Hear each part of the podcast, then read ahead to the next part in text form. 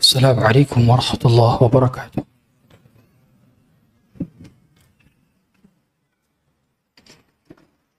إن الحمد لله نحمده ونستعينه ونستغفره ونعوذ بالله من شرور أنفسنا وسيئات أعمالنا. من يهده الله فلا مضل له ومن يضلله فلا هادي له. أشهد أن لا إله إلا الله وحده لا شريك له وأشهد أن محمدا عبده ورسوله وصفيه من خلقه وخليله وأدى الأمانة وبلغ الرسالة ونصح للأمة وكشف الله به الغمة وجاهد في الله حق جهاده حتى أتاه اليقين وتركنا على محجة بيضاء. ليلها كنهارها لا يزيغ عنها إلا هالك.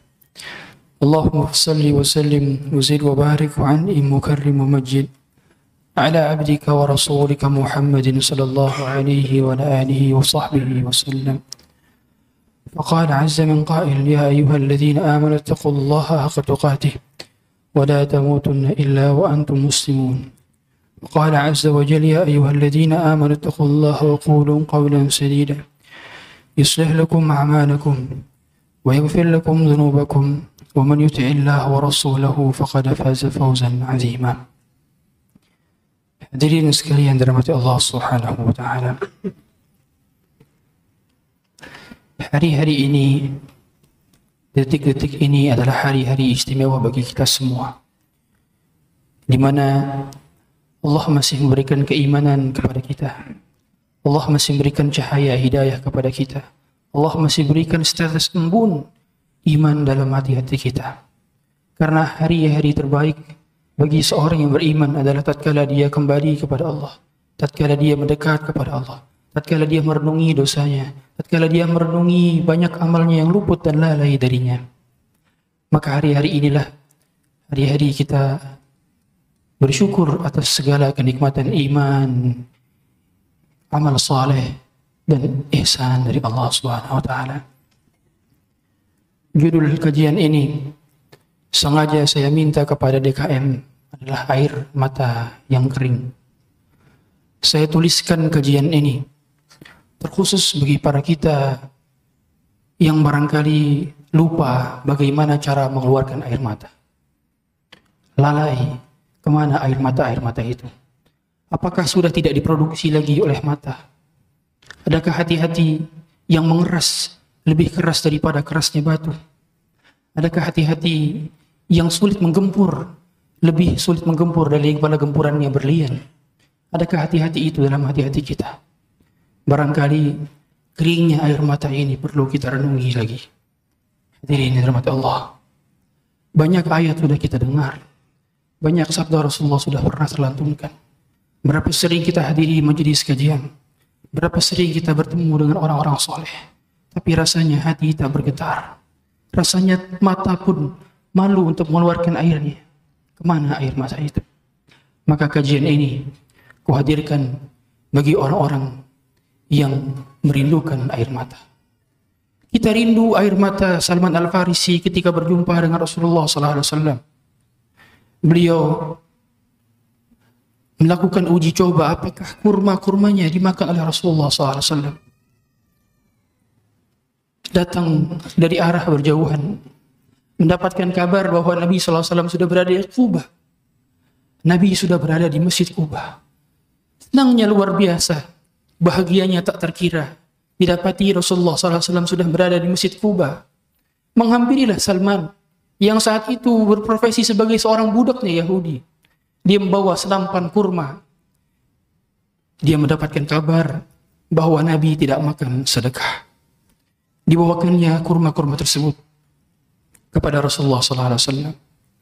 Setelah di hadapan Rasulullah, dia memberikan kurmanya, kemudian meninggalkan kepada Rasulullah. Ya Rasulullah, hadhihi sadaqatun laka. Ini sedekah untuk wahai Rasulullah. Ternyata Salman melihat dari arah kejauhan. Dia tunggu-tunggu apakah Nabi memakannya. Sebab kalau Nabi makannya maka dia bukan Nabi. Kalau Nabi meninggalkannya maka dia adalah tanda Nabi yang pertama. Maka kemudian Salman melihat bahwa Rasulullah SAW membiarkan kurma tersebut dan menyuruh para sahabat untuk makan. Salman kemudian berkata dari kejauhan, Lihi wahidah. Satu tanda sudah aku dapati. Aku sudah mendapatkan tanda bahwa ini adalah tanda Nabi pertama. Ini tanda pertama. Berarti akan ada tanda kedua dan ketiga yang akan aku buktikan kembali. Betapa bahagia Salman mendapatkan seorang nabi yang dia selama ini cari. Betapa bahagia Salman mendapatkan hidayah di depan matanya. Betapa bahagianya Salman dari arah kejauhan ribuan kilometer daratan dia arungi, lautan dia seberangi untuk berjumpa dengan Nabi tercinta di hari tersebut. Akhirnya keesokan harinya Salman bergegas lagi. Dia kumpulkan butiran-butiran kurma yang dia tidak memilikinya. Dikarenakan dia adalah seorang budak, penjaga kebun kurma. Tak terkenal namanya, tak disapa oleh orang. Salman memberikan kurma-kurma tersebut lagi kepada Nabi. Berharap Nabi memakannya. Sebab Nabi memakan makanan hadiah tapi tidak memakan makanan sedekah. Salman memberikan kepada Nabi SAW kembali. Dia lihat dari arah kejauhan. Kemudian setelah itu ternyata Salman mengatakan, Ya Rasulullah, hadihi hadiyatul laka. Ini adalah hadiah untuk engkau. Kemudian Salman melihat dari arah kejauhan. Ternyata Nabi SAW memakannya. Betapa bahagia Salman. Kemudian dia mengatakan, Hatani. Ini kedua tanda yang sudah terbuktikan. Kalau kita menjadi Salman. Menunggu, betul-betul menunggu. Ternyata Nabi itu adalah sudah memenuhi kriteria Nabi. Dua persyaratan sudah ditemui. Ini Nabi SAW. Di tanda ketiga, Salman sengaja mengunjungi Nabi SAW melihat tanda kenabian di tengah kedua bahu beliau yang mulia. Bersalaman dengan Nabi, kemudian menuju ke belakang. Dan dilapatinya Nabi ternyata ada tanda kenabian di punggung yang paling tengah berwarna putih kemerah-merahan. Semakin membuncak tangisan Salman. Di depan Rasulullah SAW langsung berkata, Ashadu an la ilaha illallah wa annaka Rasulullah. Kalimat syahadat ini bergemuruh dalam hatinya. Terurai air mata yang tidak didapati Salman sebelumnya. Kebahagiaan menggejolak tidak dapati Salman di hari sebelumnya dan di hari setelahnya. Hari kebahagiaan kita adalah hari di mana kita mengenal Islam. Hari kebahagiaan kita di mana hari di mana kita mengenal sunnah. Hari kebahagiaan kita adalah hari di mana kita mengenal para salafus saleh. Pemahaman mereka itu adalah hari kebahagiaan kita. Mengapa kita lupa hari-hari itu? Mengapa tidak ada tangisan hari itu di hari-hari ini? Mengapa? Apakah lupa caranya menangis? Apakah sudah tak terproduksi lagi air mata? Padahal di dalam ilmu sains dan biologi, kita tahu ada kelenjar air mata dalam tubuh kita. Lupakah ia bagaimana cara memproduksinya? Hadirin, ke mana tangisan-tangisan Salman? Ke mana tangisan? Tangisan dari Abdullah bin Mas'ud. Setiap kali membaca Quran, dia menangisi ayat-ayat yang mengancamnya tentang neraka. Setiap kali Umar bin Khattab membaca ayat tentang surga, beliau menangisi merasa tidak pantas dirinya masuk ke dalam surga. Ke mana air mata-air mata itu? Bukankah kita mengenal siapa Bilal? Kita mengenal siapa Suhaib bin Syahab Ar-Rumi? Kita mengenal siapa Salman? Tapi rasanya tidak ada iman Salman dalam hati kita. Tidak ada keyakinan Bilal dalam hati kita. Tidak ada keilmuan seperti ilmuannya daripada Suhaib Ar-Rumi. Ke mana hadirin sekalian?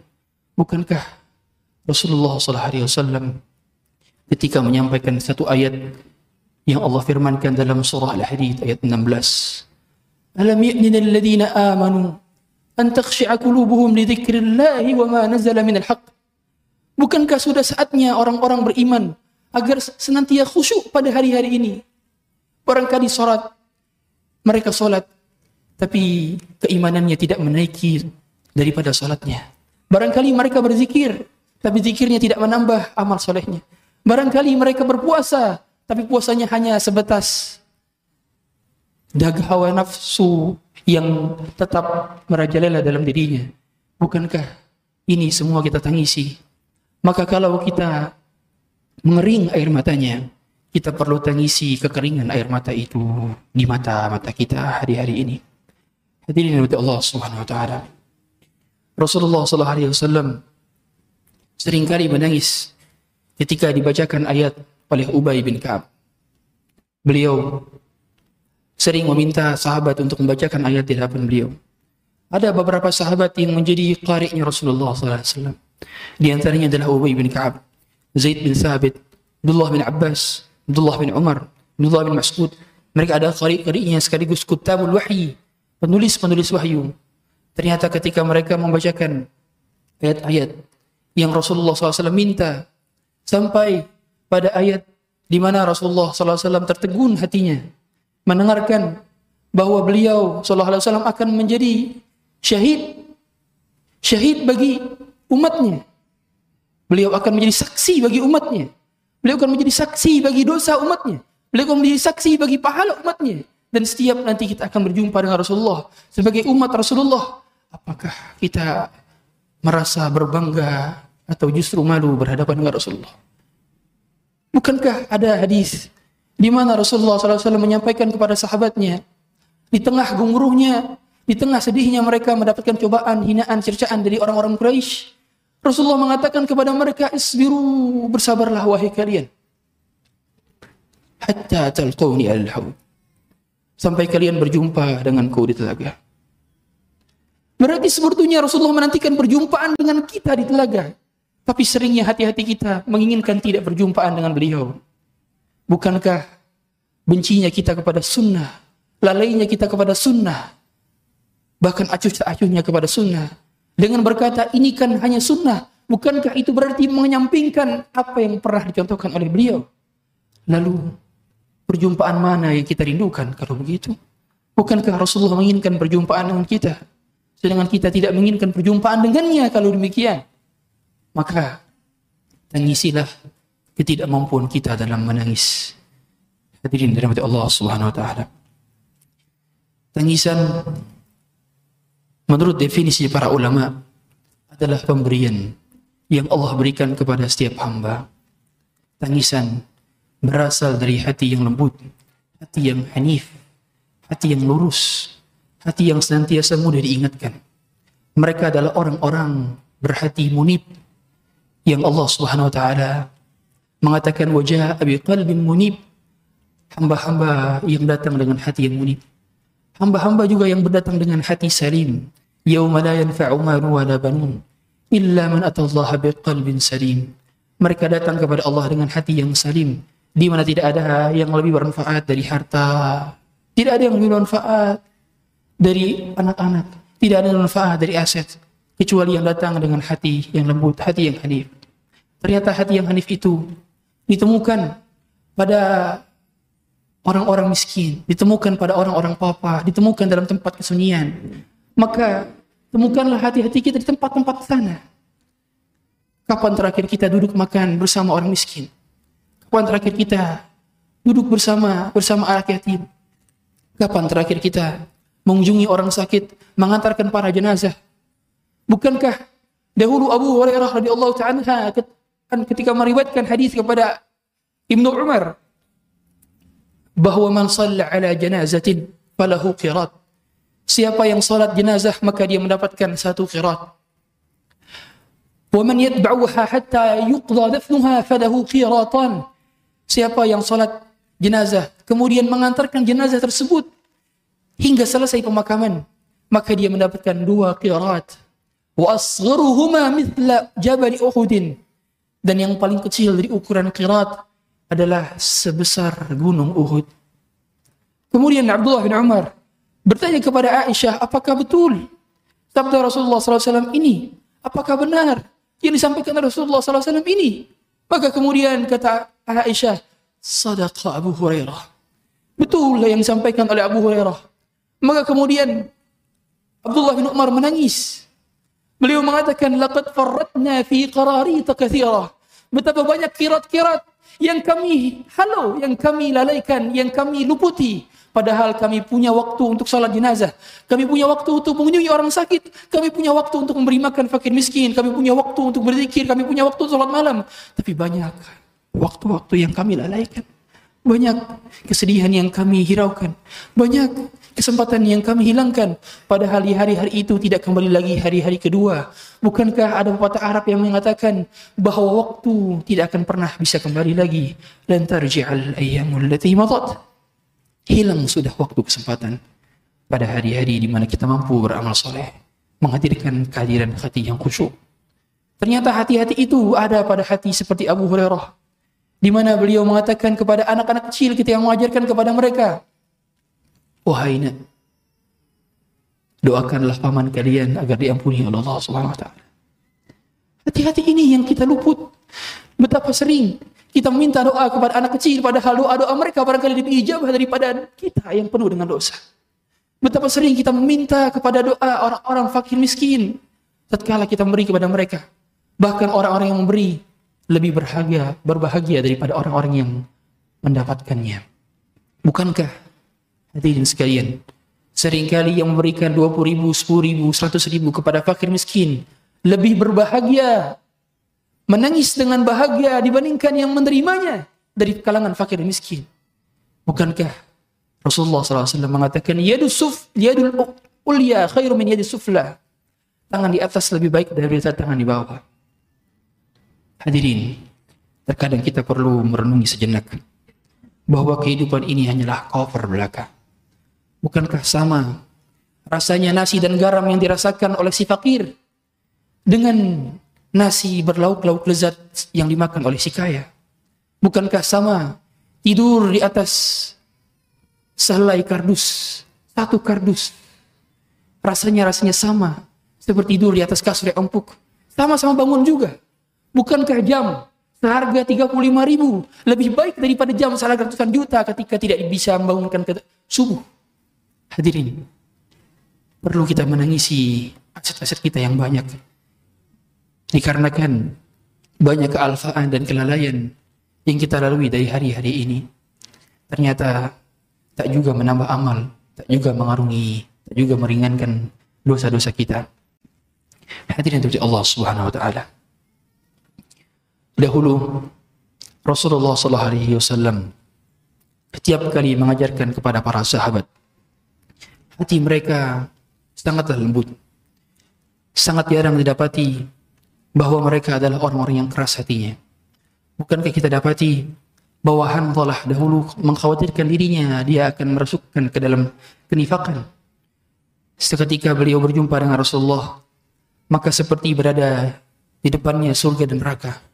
Ketika dia pulang kembali kepada keluarganya, dia dapati hatinya ternyata biasa-biasa saja. Kemudian dia berkata kepada Abu Bakar, "Nafaqah Hanzalah."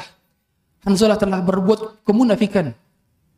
Maka Hanzalah kemudian bersama Abu Bakar mengunjungi Rasulullah SAW. Ya Rasulullah, nafaqah Hanzalah. Telah munafik Hanzalah. Ketika bersama engkau, rasanya surga di depan mata kami, neraka di depan mata kami. Tapi ketika kami pulang ke rumah-rumah kami, rasa-rasa itu tidak ada ya Rasulullah. Maka kemudian Rasulullah SAW mengatakan, Walakin ya Hanzalah, sa'atan wa sa'at.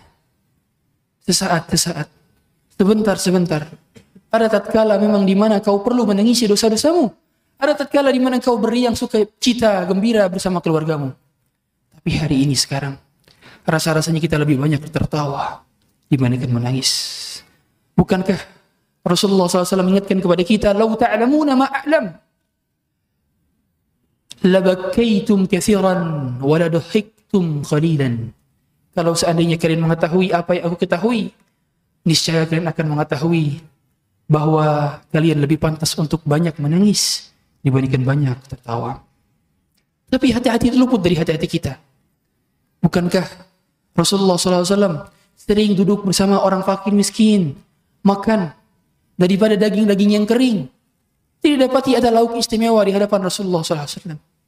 Tidak malu beliau berada di tempat-tempat kemiskinan, berada di tempat kepapawaan, berada di tempat kesunyian bersama fakir miskin. Bahkan beliau ketika diminta untuk menemani belanja daripada budak-budak, beliau mau ditarik tangannya. Karena hal demikian memang melembutkan hati-hati kita. Bukankah memang kata Rasulullah SAW, Innama turzaqun wa tunsuruna. Sebetulnya ini kita mendapatkan rezeki dari orang fakir-fakir di antara kita. Kita mendapatkan rezeki, mendapatkan pertolongan dari orang-orang miskin di antara kita. Bahkan, tangisan-tangisan mereka di sepertiga malam terakhir, barangkali lebih diijabah dibandingkan tangisan-tangisan kita. Bukankah Uwais tidak dikenal namanya di bumi, tapi namanya dikenal di langit. Padahal tidak ada seorang pun yang mengenalnya di bumi.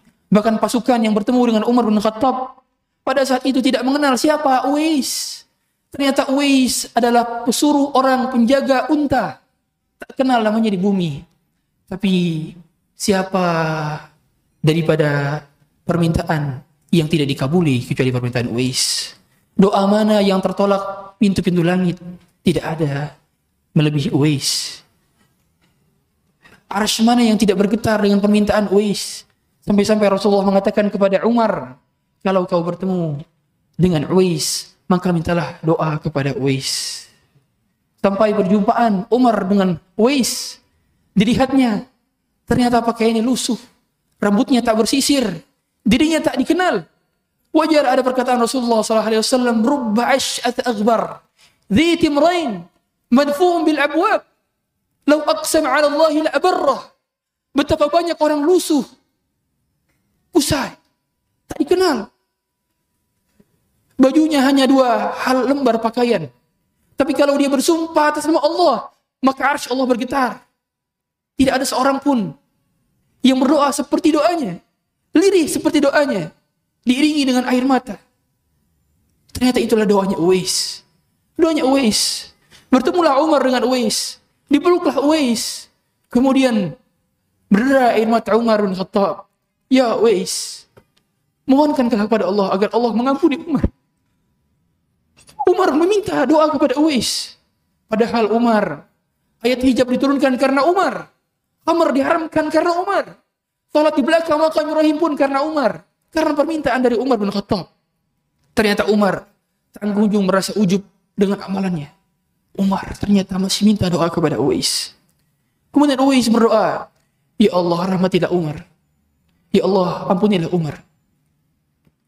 Kemudian dilepaskanlah pelukan daripada Umar kepada Uwais. Hingga akhirnya Uwais pada saat itu tidak dikenal lagi oleh orang. Lari dari keterkenalan. Lari dari dikenal oleh banyak orang. Dia tidak mau banyak dikenal. Hingga namanya tidak dikenal lagi oleh orang pada saat itu lagi. Kecuali saat itu saja. Namanya tidak dikenal di bumi. Tapi dikenal di langit. Cukup langkah beliau mendapatkan keutamaan menggendong ibunya dikarenakan beliau percaya bahwa berlahan-lahan di dunia menghasilkan istirahat di surga. Beliau percaya bahwa kalau sudah mendapat